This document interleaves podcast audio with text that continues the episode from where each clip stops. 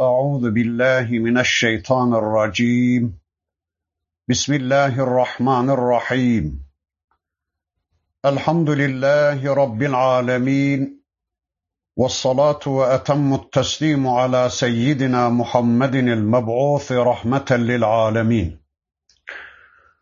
اللهم لا سهل إلا ما جعلته سهلا وأنت تجعل الحزن إذا شئت سهلا اللهم علمنا ما ينفعنا وانفعنا بما علمتنا وزدنا علما برحمتك يا أرحم الراحمين.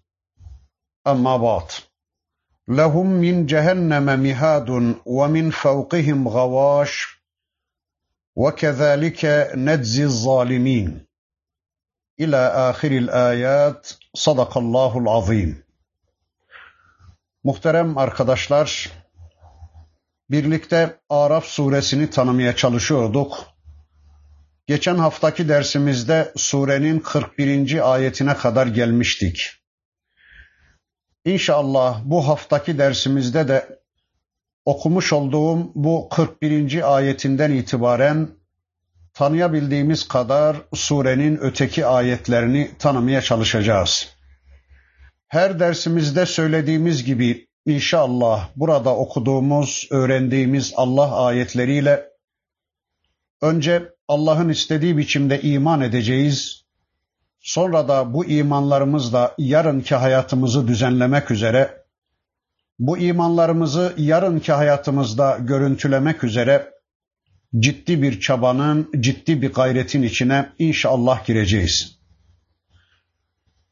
Bugün okumuş olduğum 41. ayeti kerimesinde bakın Rabbimiz şöyle buyuruyor. Onlar için cehennemden bir yatak ve üstlerine de örtüler vardır.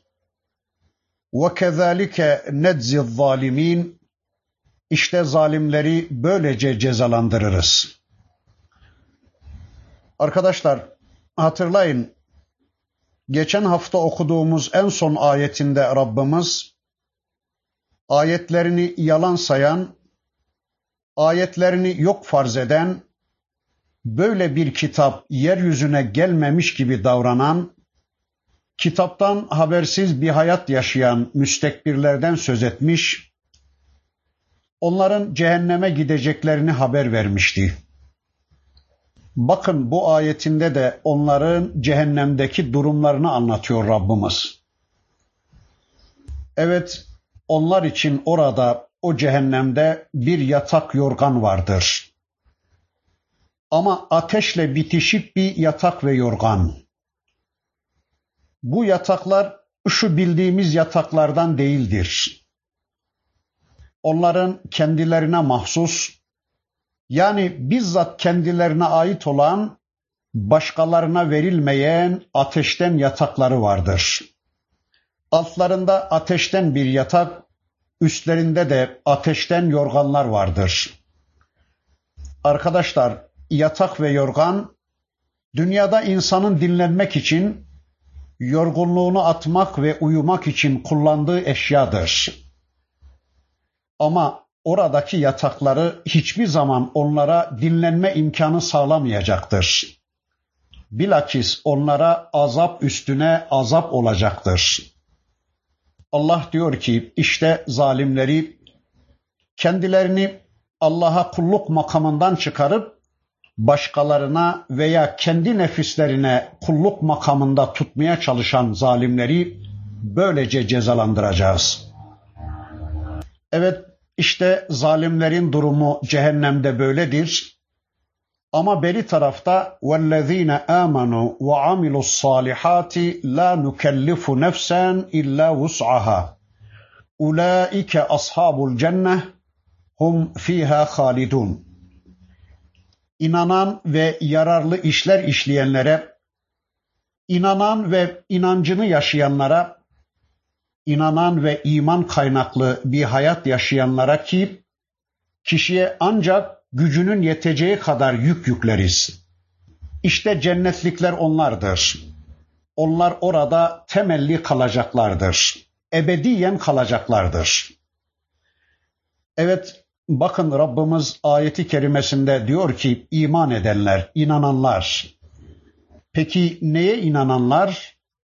Buraya kadar anlatılanlara iman edenler. Buraya kadar anlatılan ayetlere inananlar. Sadece namaza değil, sadece abdeste değil, sadece oruca değil, Kur'an'ın başından itibaren buraya kadar Allah'ın anlattıklarına iman edenler, Allah'ın inanılmasını istediği her konuya iman edenler, Bakara'ya, Ali İmran'a, Nisa'ya, En'am'a, Araf'a inananlar. Bu bölümlerde Allah'ın anlattıklarına inananlar ve inancını yaşayanlar imanlarını kuru bir iddiadan ibaret bırakmayıp inandım dedikleri konunun amelini de gündeme getirenler. Yani iman kaynaklı bir hayat yaşayanlar. Hayatlarını imanlarıyla düzenleyenler. İşte biz hiçbir insana, hiçbir nefse gücünün yetmeyeceği bir yükü yüklemeyiz. Yani bizim inanılmasını ve amele dönüştürülmesini istediğimiz şeylerin tamamı insanın güç getirebileceği, takat getirebileceği şeylerdir diyor Rabbimiz. Arkadaşlar Allah hiçbir kimseye gücünün yetmeyeceği yükü yüklemez. Onun içindir ki Kur'an-ı Kerim'de Rabbimizin bizi sorumlu tuttuğu şeylerin tamamı bize göredir.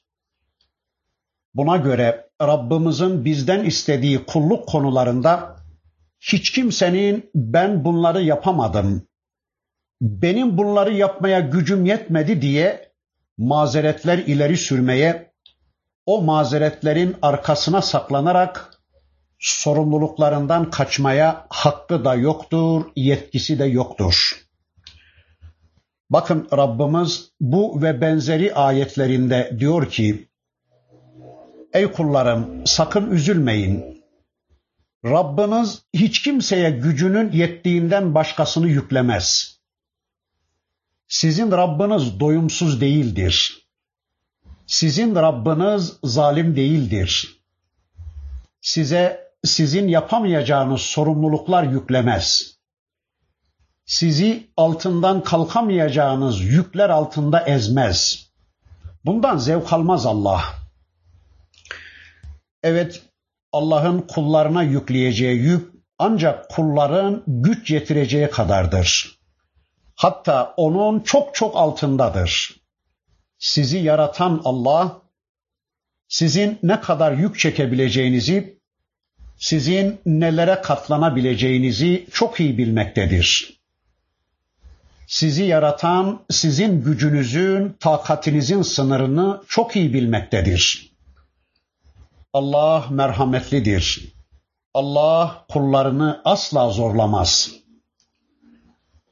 Sonra şunu da unutmayalım ki herkesin kendi kazancı kendinedir. Kim bir iyilik yaparsa o kendine, kendi lehine, kim de bir kötülük yaparsa o da kendi aleyhinedir. İyiliğin sevabı da kötülüğün vebali de kişinin kendisine ait olacaktır. Yani yaptıklarınızın yararları da zararları da menfaatleri de mazarratları da Allah'a değil kendinizedir.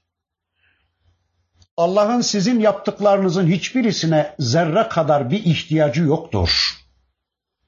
Siz yaptıklarınızın tamamını kendiniz için yapıyorsunuz. Öyleyse kendisini seven kişi, kendisi için iyilik bekleyen kişi yaptıklarıyla kendi kendine zulmetmesin. Kendisini can yakan, dayanılmaz ateşten korumasını bilsin. Bunun için de hayırların en güzelini kendisi için işlesin. Zinhar kendisini ateşe götürecek, ateşten yatak ve yorgana götürecek amellerde bulunmasın. Yani kendi kendini kendi elleriyle cehenneme atmasın diyor Rabbimiz. Evet, İşte bunlar da cennet ashabıdır. Onlar orada ebediyen kalacaklar ve cennet nimetlerinden kesintisiz bir şekilde istifade edecekler. وَنَزَعْنَا مَا فِي صُدُورِهِمْ مِنْ غِلٍّ تَجْرِي مِنْ تَحْتِهِمُ الْأَنْهَارُ وَقَالُوا الْحَمْدُ لِلَّهِ الَّذِي هَدَانَا لِهَذَا وَمَا كُنَّا لِنَهْتَدِيَ لَوْلَا أَنْ هَدَانَا اللَّهُ لَقَدْ جَاءَتْ رُسُلُ رَبِّنَا بِالْحَقِّ وَنُودُوا أَنْ تِلْكُمُ الْجَنَّةُ اُورِثْتُمُوهَا بِمَا كُنْتُمْ تَعْمَلُونَ Cennette altlarından, zeminlerinden ırmaklar akarken, tahtı tasarruflarında ırmakların çağlayıp durduğu o cennetlerde, onların gönüllerinden kini çıkarıp alırız. Bizi buraya eriştiren Allah'a hamdolsun. Eğer Allah bizi doğru yola iletmeseydi, eğer Allah bize doğru yolu göstermeseydi biz asla doğru yolu bulamazdık. Andolsun ki Rabbimizin elçileri bize gerçeği getirmiştir derler. Onlara işlediğinize karşılık, amellerinize karşılık işte mirasçı olduğunuz cennet diye seslenilir. Evet, altlarından, zeminlerinden nehirlerin, ırmakların akıp gittiği, tahtı tasarruflarında nehirlerin çağlayıp durduğu o cennetlere girilmeden önce Rabbimiz, onların kalplerindeki kıskançlık ve kin duygularını söküp çıkaracağını anlatıyor. Yani müminlerin birbirlerine karşı kinlerini, çekememezlik duygularını, bencillik özelliklerini Allah göğüslerinden söküp çıkarıyor ki orada bu tür rahatsızlıklar yaşanmasın. Cennette o müminlerin hayatlarının tadını kaçırabilecek her şeyi önceden söküp alıveriyor Rabbimiz. Evet cennette ne karşılıklı dünyadan taşıyıp getirdikleri ne de orada gerçekleşecek hiçbir kırgınlık, hiçbir dargınlık olmayacak, hiçbir husumet ve düşmanlık olmayacaktır. Her şeyden arınmış, arındırılmış olarak girecekler onlar o cennete. Yani birbirlerinin yüzüne rahatça bakabilecekler. Hatta Hazreti Ali Efendimiz bu ayet sebebiyle Allah'a hamd eder ve der ki, Hamdolsun ki Rabbim inşallah Talha ve Zübeyir'le aramızdaki kırgınlıkları giderir de orada birbirimizin yüzüne rahatça bakarız buyurur. Evet Rabbimiz cennetliklerin gönüllerindeki kinleri, kıskançlıkları, düşmanlıkları, kırgınlıkları tümüyle kaldırıverecek. Tabi bütün bu nimetlere ulaştığını, ulaştırıldığını gören müminin diyeceği söz de şudur. Elhamdülillahillezî hedâna lihâzâ ve mâ kunnâ linehtediye levlâ en hedânallah. Bütün bu nimetleri bize veren, bizi bu nimetlere ulaştıran, bizi cennete ulaştıran, bize cennet yolunu gösteren, bize cennete ulaştırıcı ameller işlemeyi nasip eden, imkan ve fırsat veren Rabbimize hamdolsun. Eğer Allah bize hidayet etmeseydi, eğer Allah bize yol göstermeseydi, yani dünyada kitap ve peygamberler göndermek suretiyle bize cennet yolunu tanıtmasaydı, bize cennet yollarını açmasaydı hiçbir zaman biz bu cenneti bulamazdık.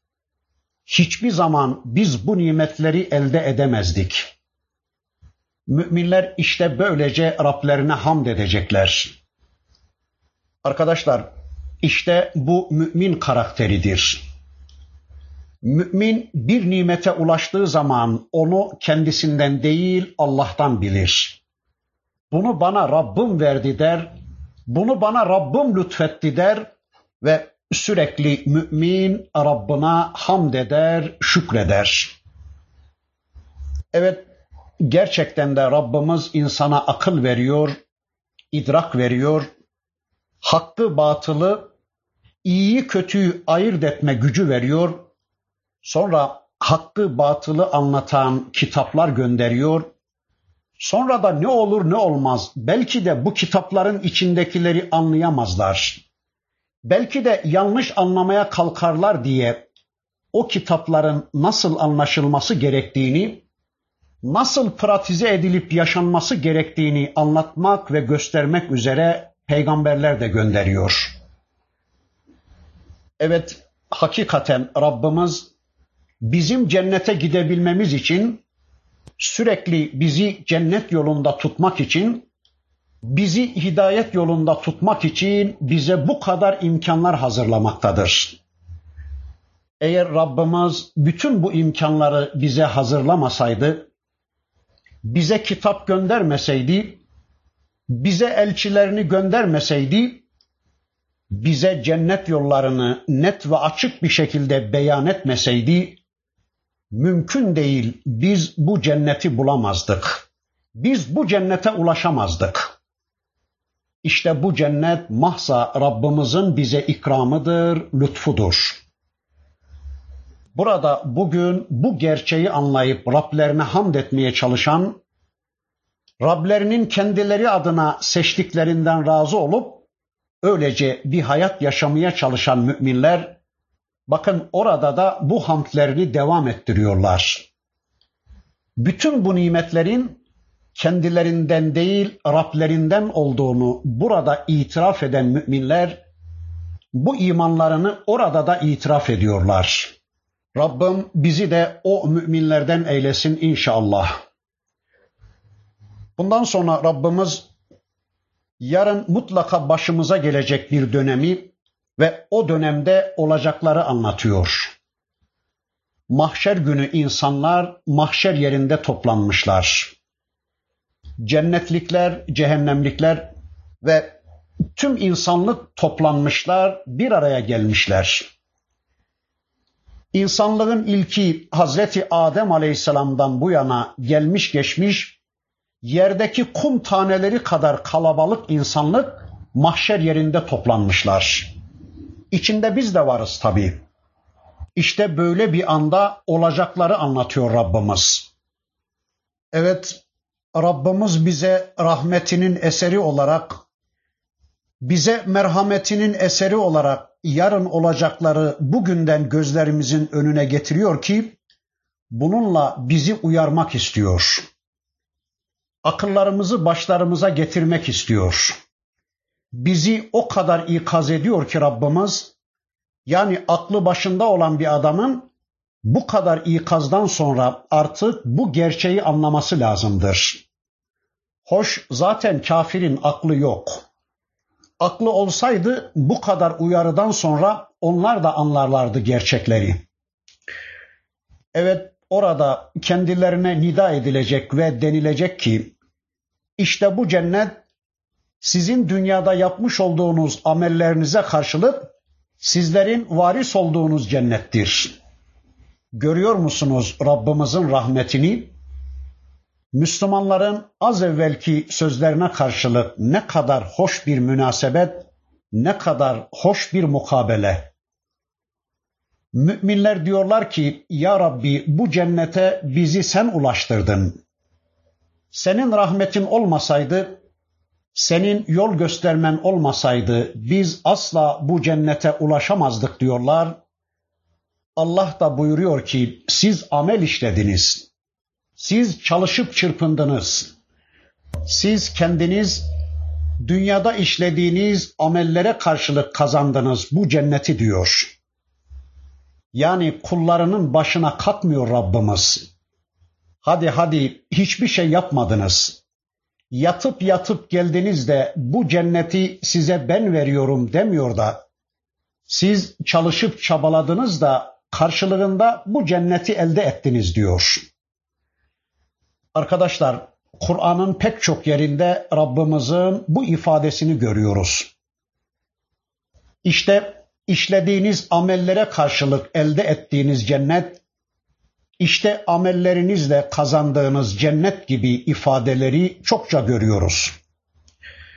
Böylece anlıyoruz ki Rabbimiz bize değer veriyor, bizi onuru ediyor ve bize rahmetiyle muamele ediyor. O halde bütün bu ayetler karşısında şunu hiçbir zaman unutmayacağız ki cennete amellerle gidilecektir. Cennet amellerle kazanılacaktır.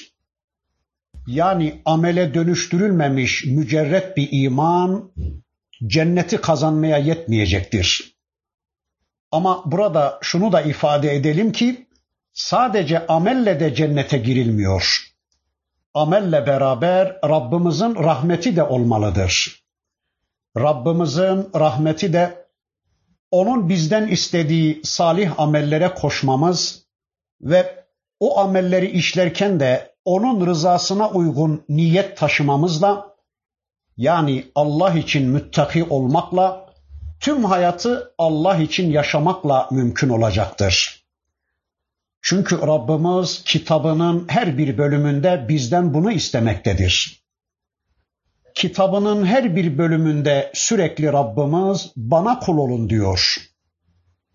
Benim istediğim şekilde yaşayın diyor. Benim size gönderdiğim hayat programını yaşayın diyor. Arkadaşlar Allah'a Allah'ın istediği biçimde kulluk yapmadan Allah'ın bizim adımıza gönderdiği hayat programını uygulamadan hayatı Allah adına yaşayan muttaki kullar olmadan Allah'ın rahmetine ermek kesinlikle mümkün değildir. Allah'ın rahmetine layık olmadan da cennete ulaşmak asla mümkün değildir. Arkadaşlar bakın bir de burada Rabbimiz işte varis olduğunuz cennet buyuruyor. Varis olduğunuz cennet ifadesini de bir hadisin beyanıyla şöyle anlamaya çalışıyoruz. Rabbimiz ana rahmine düşen herkes için bir cennette bir de cehennemde olmak üzere iki makam yaratıyor. Eğer kişi akıl bali olduğu andan itibaren kelime-i şehadeti söyleyip İslam yolunu seçerse onun cennetteki makamını baki bırakıyor, cehennemdeki makamını iptal ediyor. Ama adam eğer akıl bali olduktan sonra küfrü ve şirki tercih ederse bu defa da onun için cennette yarattığı makamı iptal ediyor, cehennemdeki makamını baki bırakıyor. İşte şu anda herkes için bir cennette bir de cehennemde olmak üzere iki makam vardır.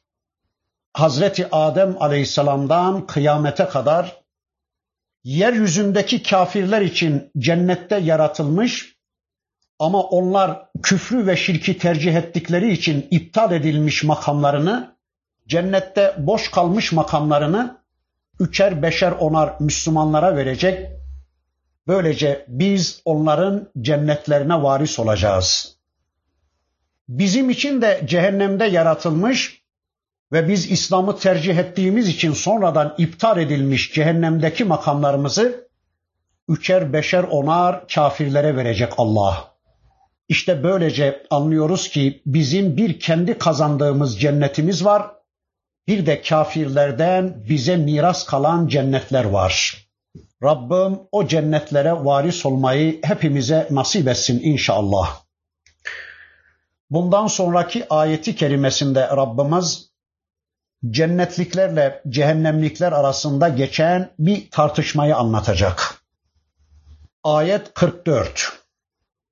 ونادى أصحاب الجنة أصحاب النار أن قد وجدنا ما وعدنا ربنا حقا فهل وجدتم ما وعد ربكم حقا؟ قالوا نعم. فأذن مؤذن بينهم أن لعنة الله على الظالمين. Cennetlikler cehennemliklere biz Rabbimizin bize vaat ettiğini hak bulduk, gerçek bulduk. Siz de Rabbinizin size vaat ettiklerini gerçek buldunuz mu, hak buldunuz mu diye seslenirler. Onlar evet derler. Aralarında bir münadi Allah'ın laneti zalimler üzerine olsun diye seslenir. Evet, bir yanda Allah'ın rahmetine ermiş cennetlikler var. Öbür tarafta da dünyadayken Allah'ın istediği şekilde yaşamayarak Allah'ın rahmetini kaybetmiş ve bunun sonucu olarak da cehenneme yuvarlanmış kafirler var. Aralarında bir sur var ve bu insanlar birbirleriyle konuşuyorlar. Ama bunu dünya mantığına göre düşünmeyeceğiz tabii. Zira biz Resulullah Efendimizin bir hadisinden biliyoruz ki cennete en son girecek adamın makamı şu anda üstünde gezip dolaştığımız dünyanın 5-10 misli olacak. O zaman bu konuşma nasıl olacak diye düşünüyoruz. Yani bu kadar büyük mesafelerden insanlar nasıl konuşacaklar ve seslerini birbirlerine nasıl duyuracaklar? Belki eskiden bunu anlamak da anlatmak da çok zordu. Ama şimdi televizyon ve radyo gibi iletişim araçları bunun biraz daha kolay anlaşılmasını sağlıyorlar. Mesela şu anda ben benim anladığım ve düşündüğüm şeyleri ciğerimde oluşturduğum ve dışa çıkardığım ses titreşimlerini sizin kulaklarınıza doğru gönderiyorum ve sizler şu anda benim ne demek istediklerimi hemen anlıyorsunuz. Ama ne gariptir ki aynı sesleri bir Fransızın, bir Almanın kulaklarına da gönderiyorum. Lakin bu adamların kulaklarında ne varsa bilmiyorum. Onlar sizin anladığınız şeyleri anlamıyorlar, anlayamıyorlar. Bir tıkaç mı var kulaklarında? Yoksa sizin anladıklarınızı anlamalarına engel bir perde mi var? Onlar sizin anladığınız gibi anlayamıyorlar. Şunu demek istiyorum. Böyle duymak için, anlamak için çok uzakta ya da çok yakında olmak pek fazla bir şey değiştirmiyor yani. Belki bilemiyorum. Yarın insanın alnına bir lazer konacak ve içinden geçenleri insanlar anlayıverecekler. Evet, bakın burada bir konu anlatılıyor. Cennetliklerle cehennemliklerin bir diyalogları bir konuşmaları anlatılıyor. Araf'ta bir konuşma. Arkadaşlar aynı zamanda bu sureye isim olan bir olaydır bu. Araf suresi işte burada geçen Araf kelimesinden alınmıştır. Cennetlikler var bir tarafta, cehennemlikler var öbür tarafta. Bir de bunların arasında yani Araf'ta şöyle yüksekçe bir tepede bir kısım insanlar var ve aralarında bir kısım konuşmalar geçmektedir.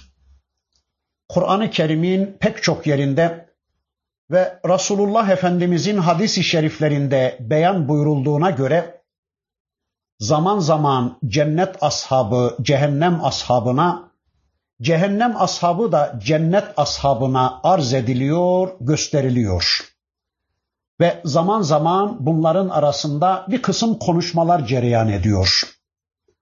Veya yine kimi hadislerden öğreniyoruz ki cennetliklere cehennemliklerin hayatları, makamları gösteriliyor. Cehennemliklere de cennetliklerin nimetleri, makamları gösteriliyor. Peki sebep ne? Arkadaşlar anlayabildiğimiz kadarıyla cennetlikler iki kere sevinsinler, cehennemlikler de iki kere kahrolsunlar diye yapılıyor bu. Müminler için iki sevinç, kafirler için de iki kahroluş vardır.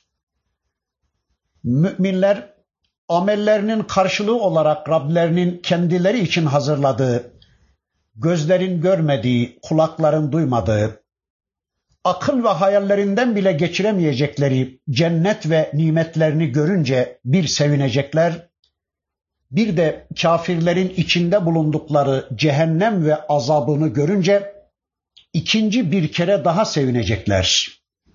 Çok şükür ki dünyada bu kafirler gibi yaşayıp bu cehenneme gitmedik diye. Çok şükür bu cenneti kaybetmedik diye. Cehennemlikler de dünyada yaşadıkları pis bir hayatın sonucu olarak boyladıkları cehennemi ve oradaki dayanılmaz azabı görünce bir kahrolacaklar, bir de cennette müminlerin içinde bulundukları nimetleri görünce ikinci bir defa daha kahrolacaklar. Vah bize, yuh bize, yazıklar olsun bize. Demek şimdi biz bu cenneti kaybettik ha? Demek şimdi biz bu cehennemi kazandık ha? Yazıklar olsun bize, hiç aklımız yokmuş diye ikinci bir defa daha kahrolacaklar, mahvolacaklar.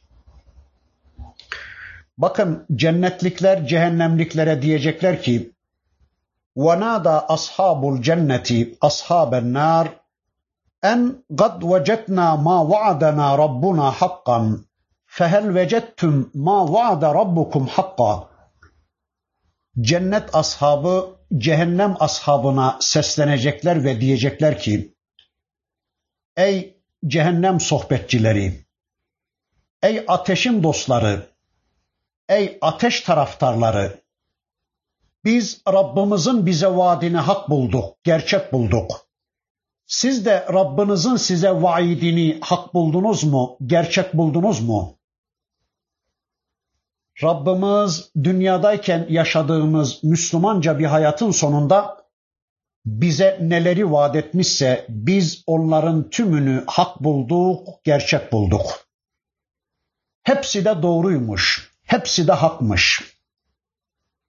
Rabbimiz dünya hayatındayken bize ey kullarım eğer benim istediğim gibi bir hayat yaşarsanız karşılığında şunlar şunlar var. Yok eğer benim hayat programımı terk eder de kendi bildiğiniz gibi bir hayat yaşarsanız sonunda şunlar şunlar sizi beklemektedir buyurmuştu. Hayatınızı benim adıma yaşarsanız sizi en güzel bir hayatta yaşatırım. Değilse sizi ateşin ashabı yaparım demişti. İşte bizler Rabbimizin istediği gibi bir hayat yaşadık Boyunlarımızdaki kulluk iplerinin ucunu Rabbimizin eline teslim ettik. Rabbimiz ne tarafa çekmişse biz o tarafa gittik. Rabbimizin bizden istediği salih amelleri işledik ve Rabbimiz vaat ettiği o güzel hayatı bize verdi. Biz Rabbimizin bize vaat ettiklerinin tümünü hak bulduk, gerçek bulduk hurileri, gılmanları, şarap ırmaklarını, bal ırmaklarını, süt ırmaklarını ve daha nice nice nimetleri aynen hak bulduk. Rabbimiz vaadinde hulfetmedi. Zaten biz bunu daha önceden de biliyor ve öylece iman ediyorduk. Hadi söyleyin bakalım. Siz de Rabbinizin size vaat etmiş olduklarını hak buldunuz mu? Siz de Allah'ın cehennemini, Allah'ın ateşini, Allah'ın azabını hak buldunuz mu diyorlar. Evet cennetlikler cehennemliklere soruyorlar bunu. Arkadaşlar dünyada da Resulullah Efendimizin Kalibi Bedir denen o çukura gömülen kafirlere aynı şeyi sorduğunu biliyoruz. Bedir'de Müslümanlar tarafından gebertilen kafirler bu çukura doldurulmuş ve Allah'ın Resulü onların başında şöyle bir hutbe irat buyurmuştu. Ey kafirler! Ben Rabbimin bana vaadini hak buldum. Sizler de Rabbinizin size vaat ettiklerini hak buldunuz mu? Nasıl doğru muymuş Allah'ın dedikleri? Doğru muymuş Allah'ın vaatleri? Gerçek miymiş Allah'ın vaatleri? Şimdi anladınız mı gerçeği buyurmuştu da sahabe-i kiram efendilerimiz de Allah'ın Resulüne şöyle sormuşlardı. Ey Allah'ın Resulü onlar ölüler değil mi? Ölü olan bu insanlar sizin bu sözlerinizi nasıl duyacaklar? Allah'ın Resulü buyurdu ki, evet onlar da aynen sizin gibi konuşulanları duyarlar ama cevap veremezler. Peki acaba neydi Resulullah Efendimiz'e vaat edilenler ve neydi o kafirlere vaat edilenler? Yani Resulullah Efendimiz'in hak bulduğu Allah'ın vaadi neydi? ve kafirlere de siz de hak buldunuz mu dediği Allah'ın vaadi neydi? Arkadaşlar Resulullah adına Rabbimizin vaadi zaferdi, galibiyetti, ganimetti. Kafirlere karşı Allah'ın kendisine destek vaadiydi. Cennetti, Allah'ın rızasıydı. Kafirler adına da Allah'ın vaadi hezimetti, mağlubiyetti, gebermeydi ve sonunda cehennemi boylamaydı. Sonunda ateşi boylamaydı. Yani bundan anlıyoruz ki bu kafirler dünyada da duyacaklardır bunu. Yani bugün kafirlerin mezarlarının başına gidip söylesek bunları burada da duyacaktır o kafirler. Ama burada anlatılan konu onların ahiretteki duymaları ve duyurulmalarıdır tabi. Evet müminler cennetlikler cehennemliklere diyecekler ki biz Rabbimizin bize vaat ettiği cenneti ve nimetlerini hak bulduk. Siz de Rabbinizin size vaat ettiği cehennemi ve azabını hak buldunuz mu? Nasıl doğru muymuş Allah'ın vaatleri, yalan mıymış? Ne haber yapar mıymış Allah dediklerini? Sözünün eri miymiş Allah? Dünyada dediğiniz gibi hikaye miymiş bunlar? Yoksa gerçek miymiş diyorlar. Arkadaşlar bilelim ki Allah da dediğini aynen yapacaktır. Ne demişti Rabbimiz? Kur'an'la beraber olun. Sünnetle beraber olun. Benim size gönderdiğim hayat programımı tanıyıp o istikamette bir hayat yaşayın. Eğer benim dediğim gibi yaşarsanız sonunda sizi cennetime koyarım. Peki acaba yapar mı Allah dediklerini? Sözünün eri midir Allah? Elbette işte gördü müminler cenneti. Rablerinin kendilerine vaat ettiği cenneti ve devletleri gördüler. Elbette cehennemi de vereceğini biliyorlar ve karşılarındaki kafirlere böyle diyorlar. Arkadaşlar o halde burada bize düşen iki şey vardır. Birincisi madem ki bizler yarın Allah'ın cennet ya da cehennem adına bize vaadini hak bulacağız. Yerimizin neresi olacağı konusunda Rabbimizin hükmüne razı olacağız ve buna asla itiraz edemeyeceğiz. O halde aklımızı başımıza alıp bugünden Rabbimizin bize vaadini hak bulalım da cenneti hak etmeye çalışalım. Rabbimizin bizim adımıza gönderdiği hayat programına hak diyelim. Onun istediği biçimde bir hayat yaşayalım da yarın zorunlu olarak hak diyeceğimiz inkar edemeyeceğimiz cenneti bugünden kazanmaya çalışalım. Zira bugün bu imkan bizim elimizdedir. Yarın bu imkanımız kalmayacak ve mecburen Rabbimizin hükmüne evet diyecek, Rabbimizin takdirini hak bulacağız. Bir ikincisi de yarın bizler diyeceğiz ya kafirlere, ey kafirler, biz Rabbimizin bize vaadini hak bulduk. Sizler de Rabbinizin size vaadini hak buldunuz mu? Nasıl doğru muymuş Kur'an'ın dedikleri diyeceğiz ya. Öyleyse yarın diyeceğimiz bu sözü onlara bugünden söyleyelim.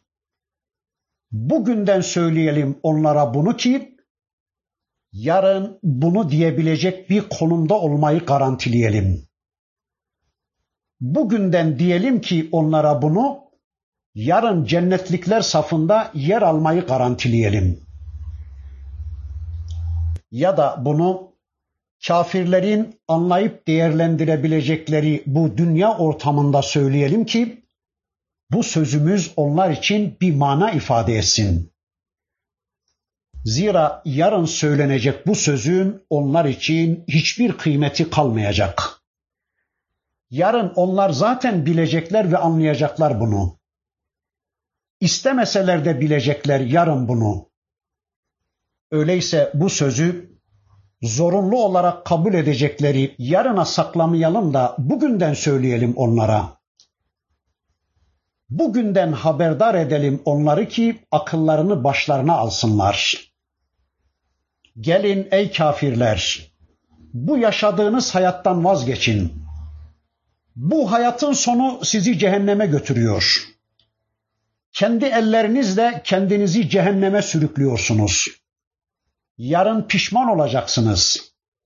Yarın eyvah diyeceksiniz ama bu pişmanlığınızın size hiçbir faydası olmayacak diyelim ve bugünden uyaralım onları.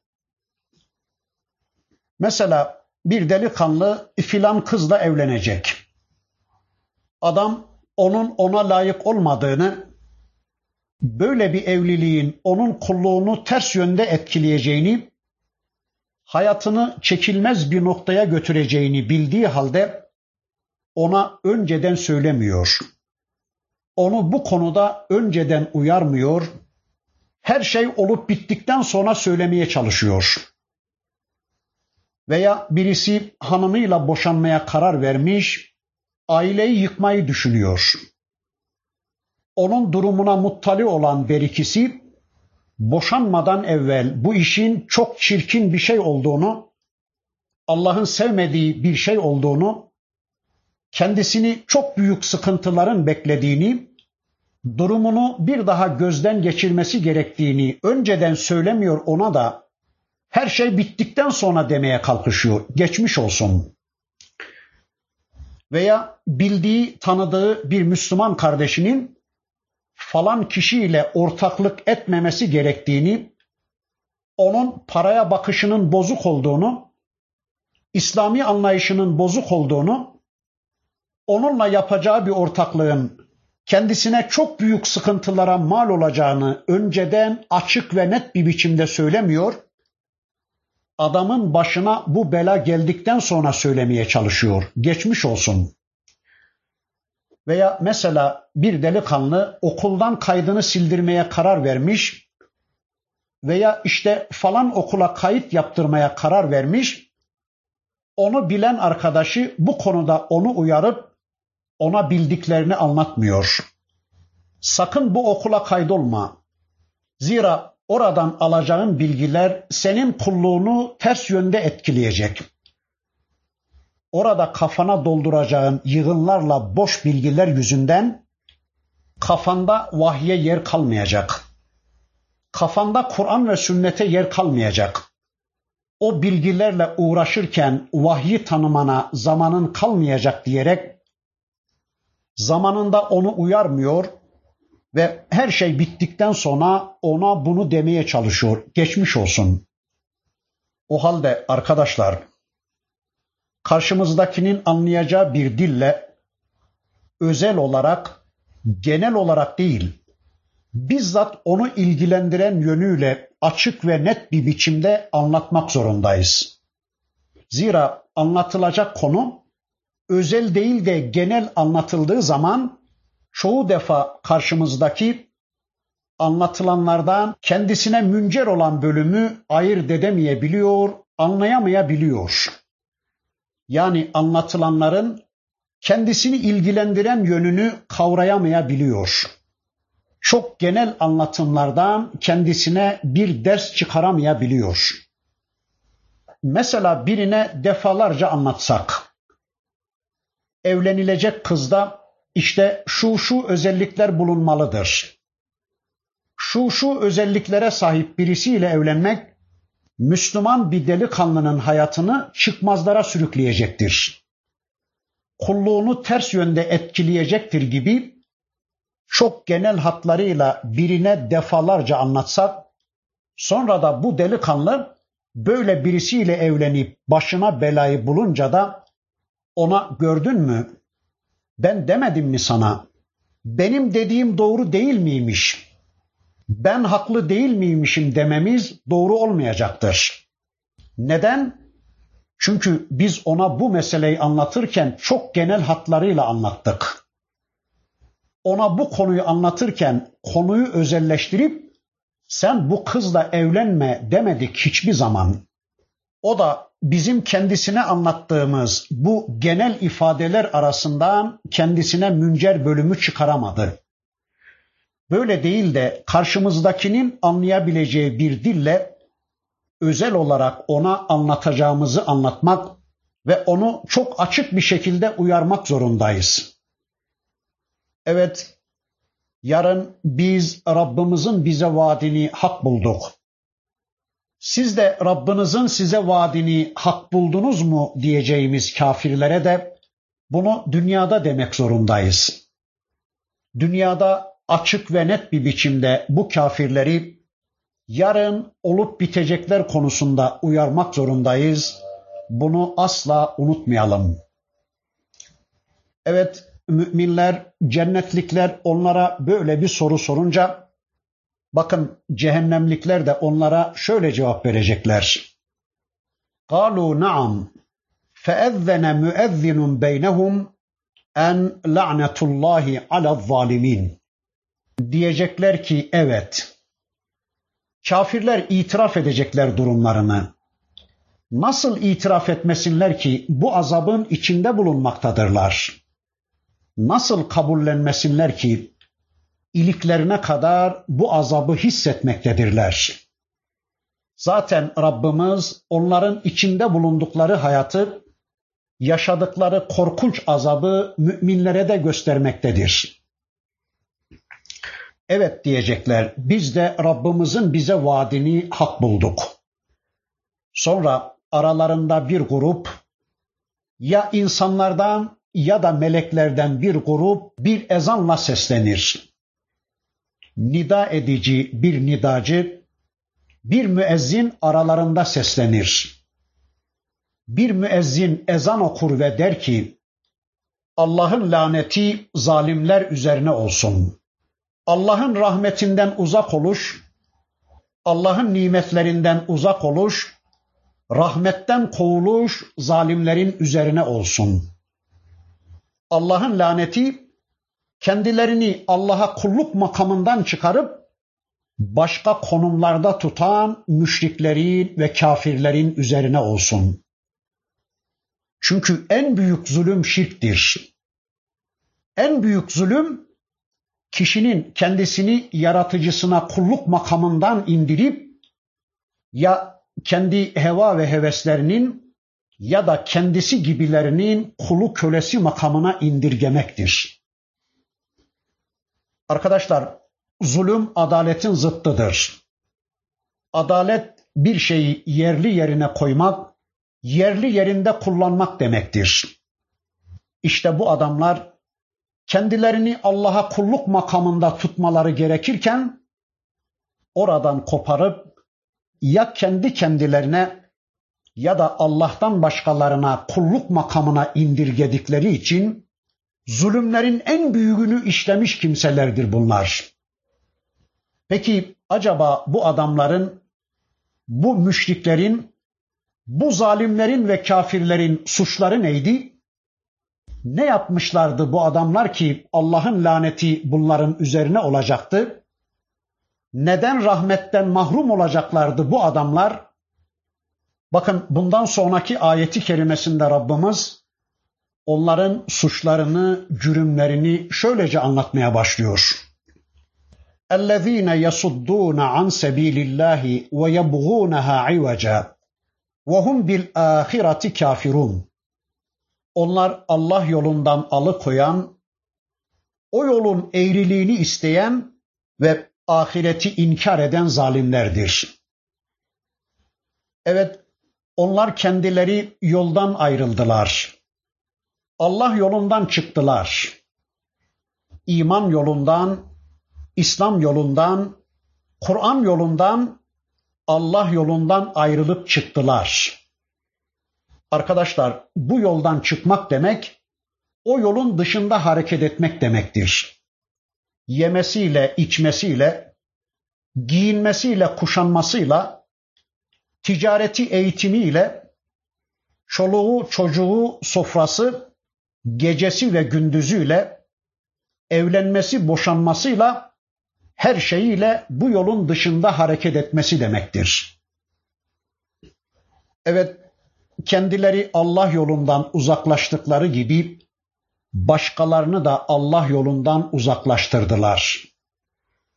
Onlar Allah kullarını Allah'ın kitabından ve Resulünün sünnetinden uzaklaştırıyorlar.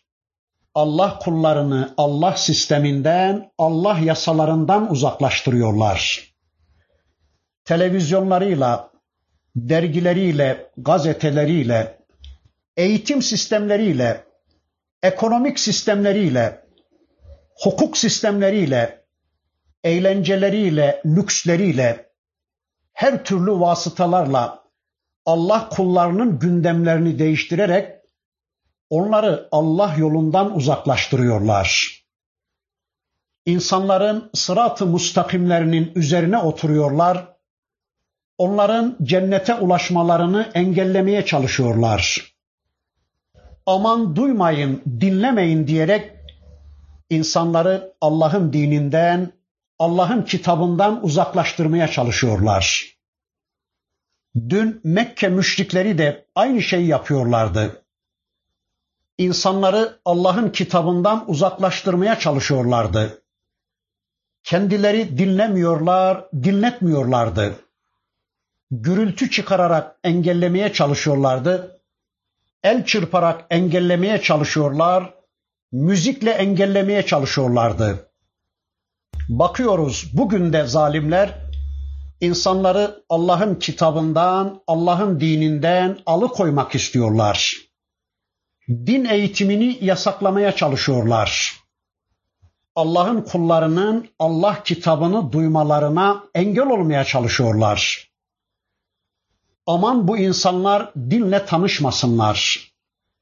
Aman bu insanlar Kur'an'la, kitaplarıyla tanışmasınlar diye insanlarla kitapları arasına engeller koyuyorlar. O günde bugün de din düşmanlarının yaptıkları şey budur. Bakın Rabbimiz Ali İmran suresinde bir ayeti kerimesinde bu hususu şöyle anlatır. Kul ya ehlel kitabi lime tekfurune bi ayatillahi vallahu şehidun ala ma ta'malun. Kul ya ehlel kitab لم تصدون عن سبيل الله من آمن تبغونها عوجا وأنتم شهداء وما الله بغافل عما تعملون De ki ey kitap ehli Allah sizin yaptıklarınızı görüp dururken Allah'ın ayetlerini niçin örtbas etmeye çalışıyorsunuz? De ki ey kitap ehli Sizler doğru olduğuna şahitken niçin dini eğri büğrü göstermeye çalışarak müminleri dinlerinden çevirmeye çalışıyorsunuz? Bilesiniz ki Allah asla yaptıklarınızdan gafil değildir. Evet diyor ki Rabbimiz ey ehli kitap ey Yahudi ve Hristiyanlar ne oluyor size? Nereden alıyorsunuz bu gücü? kafa çalıştırıyor, şeytanlık yapıyor ve Allah'ın ayetlerini örtmeye, örtbas etmeye çalışıyorsunuz. Allah kullarına Allah'ın ayetlerini duyurmamaya çalışıyorsunuz. Neden Allah'ın kullarını Allah yolundan saptırmaya çalışıyorsunuz?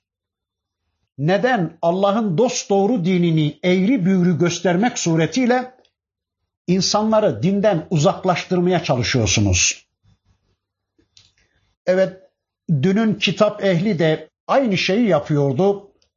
Bugünün ehli kitapları da kendilerinin bu dinin mensubu olduklarını söyleyen ama dinle, diyanetle en küçük bir alakaları bulunmayan zalimler de insanlar dinleriyle tanışmasınlar, insanlar kitaplarıyla buluşmasınlar diye ellerinden gelen her şeyi yapıyorlar bütün propaganda imkanlarını kullanıyorlar.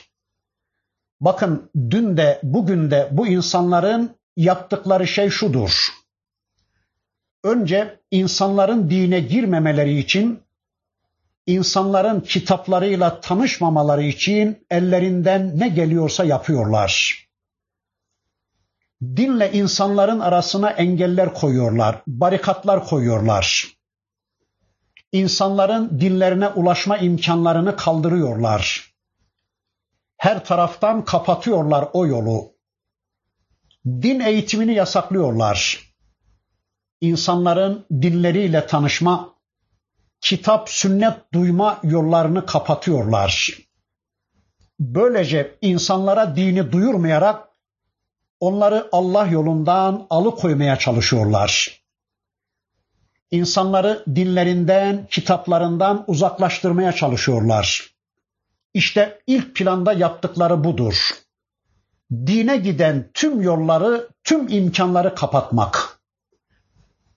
Ama buna rağmen bütün bu engellemelere ve aleyhte propagandalara rağmen yine de insanlar bu barikatları aşarak dine girmeye, kitaplarıyla tanışmaya muvaffak olmuşlarsa, bu sefer de bu adamlar dinde eğrilik büyürülük meydana getirirler. Yani o insanların önüne öyle bozuk bir din sunarlar ki, bu dinin İslam'la uzak ve yakından hiçbir ilgisi yoktur. Yani böyle hayata karışmayan, hayatta hiçbir etkinliği olmayan, camiye ve vicdanlara hapsedilmiş, sadece sözden ibaret bir din ya da hayatın bazı bölümlerine karışan ama öteki bölümlerine karışmayan, işte sadece törenlerde hatırlanan, salonlarda konuşulan ama onun dışında hayatta hiçbir geçerliliği olmayan bir din sunarlar. Hukuka karışmayan, eğitime karışmayan, kılık kıyafete karışmayan, kazanmaya harcamaya karışmayan, hayatta hiçbir etkinliği olmayan resmi bir din. Özellikle kendilerince şekillendirip biçimlendirdikleri bu dini ders kitaplarına koyarlar ve işte din budur diye insanlara bunu sunarlar. İnsanların kafalarını allak bullak ederler. İnsanlar bu karmaşa içinde neyin Allah dini, neyin başkalarının dini olduğunu anlayamaz hale gelirler. Ve böylece insanların dinlerini eğri büğrü yaparak onları Allah dinine ulaşmaktan alıkorlar. Bunun neticesi olarak da insanlar öyle bir din yaşarlar ki bu din Allah dini değil, resmi ideolojinin şekillendirip biçimlendirdikleri bir dindir. Evet, işte şu anda acı acı bunu seyrediyoruz. İnsanlar bir din yaşıyorlar ama bu din Allah'ın dini değil, resmi ideolojinin kendilerine dayattıkları bir dindir. Bir din yaşıyorlar ama yaşadıkları bu din eğri büğrü bir dindir. Mesela bakın insanlar Kur'an okumayı bilmedikleri halde ona hürmet ettiklerini söylerler. Kur'an'ı evlerinin en mutena köşesine asmaya çalışırlar. Kendileri namaz kılmadıkları halde namaz kılanları sevdiklerini söylerler. Mesela yılda bir mevlüt okutmayı, birkaç yılda bir hatim okutmayı din sayarlar, dini yaşamız sayarlar. Oruç tutmadıkları halde oruç tutanlara ikram etmeye çalışırlar. İslam'ın çok üstün bir din olduğunu ancak geçmiş dönem insanlarının hayatlarını tanzim ettiğini söylerler. İyidir, güzeldir ama devri geçmiştir derler dinin herhangi bir emri gündeme geldiği zaman tamam biz de yapmalıyız. Biz de kılmalıyız. Biz de örtülmeliyiz ama şimdi zamanı değil. E ne yapalım? Zaman bulamıyoruz. Tamam ben de kitabı ve sünneti tanımak zorunda olduğuma inanıyorum.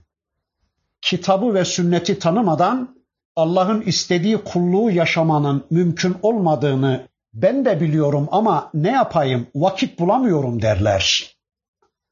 Böylece hem din yaşadıklarını zannederler hem de Allah'ın diniyle uzak ve yakından hiç mi hiç ilgisi olmayan bozuk bir din yaşarlar. Öyleyse arkadaşlar insanlara sunduğumuz dine çok dikkat etmek zorundayız. İnsanlara sunduğumuz din gerçekten Allah'ın dini mi? Yoksa kendi anlayışlarımızı din diye insanlara sunmaya mı çalışıyoruz? Gerçekten insanlara sunduğumuz din Allah'ın kitabında ve Resulullah'ın sünnetinde anlatılan din mi? Yoksa insanlar tarafından mecrasından uzaklaştırılmış bir din mi? Kitap ve sünnete dayalı bir din mi anlatıyoruz insanlara? Yoksa insanlar tarafından şekillendirilmiş, Anadolu kültürüyle şekillendirilmiş, insanlar tarafından bulanıklaştırılmış bir yığın safsata mı anlatıyoruz? Yani din diye insanlara sunduğumuz ayet ve hadisler mi? Yoksa bir yığın insan hayatı mı? Ayet ve hadislere dayalı net, açık ve kolay bir din anlatmak yerine bir yığın insan hayatlarıyla dini karma karışık bir hale mi getiriyoruz?